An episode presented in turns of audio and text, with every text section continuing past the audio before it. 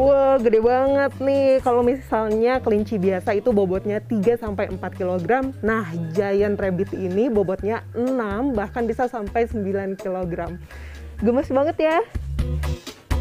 Menurut Asepiana, salah satu peternak giant rabbit di kawasan Lembang, Kabupaten Bandung Barat, ada beberapa jenis giant rabbit.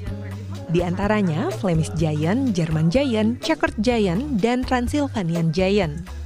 Pemeliharaan antara giant rabbit dengan kelinci biasa sama saja. Namun dari sisi pakan, giant rabbit membutuhkan lebih banyak pakan.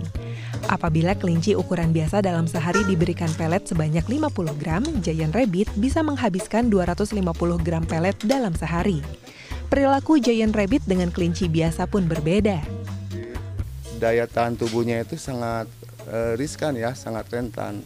Uh, beda halnya dengan kelinci yang kecil atau medium kelinci kecil atau medium itu lebih lincah. Kalau Jerman Giant sendiri lebih kalem gitu kan, karena mungkin eh, dari berat badannya yang besar sehingga dia malas gitu, malas untuk bergerak. Jika di luar negeri Giant Rabbit termasuk kelinci pedaging, di Indonesia Giant Rabbit termasuk dalam kelinci hias karena harganya yang mahal. Asep yang mulai beternak giant rabbit sejak tahun 2016 mengaku dalam seminggu bisa menjual 4 hingga 5 ekor giant rabbit usia 3 bulan dengan kisaran harga 4 hingga 5 juta.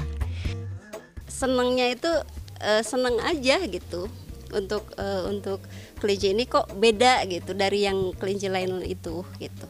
Kelinci jenis uh, German Giant sendiri masih langka di Indonesia ya hanya beberapa saja uh, pemiliknya.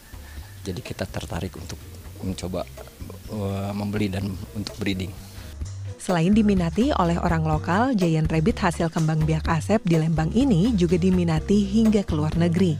Mita Handayani, Kavi Jati, Kabupaten Bandung Barat, Jawa Barat.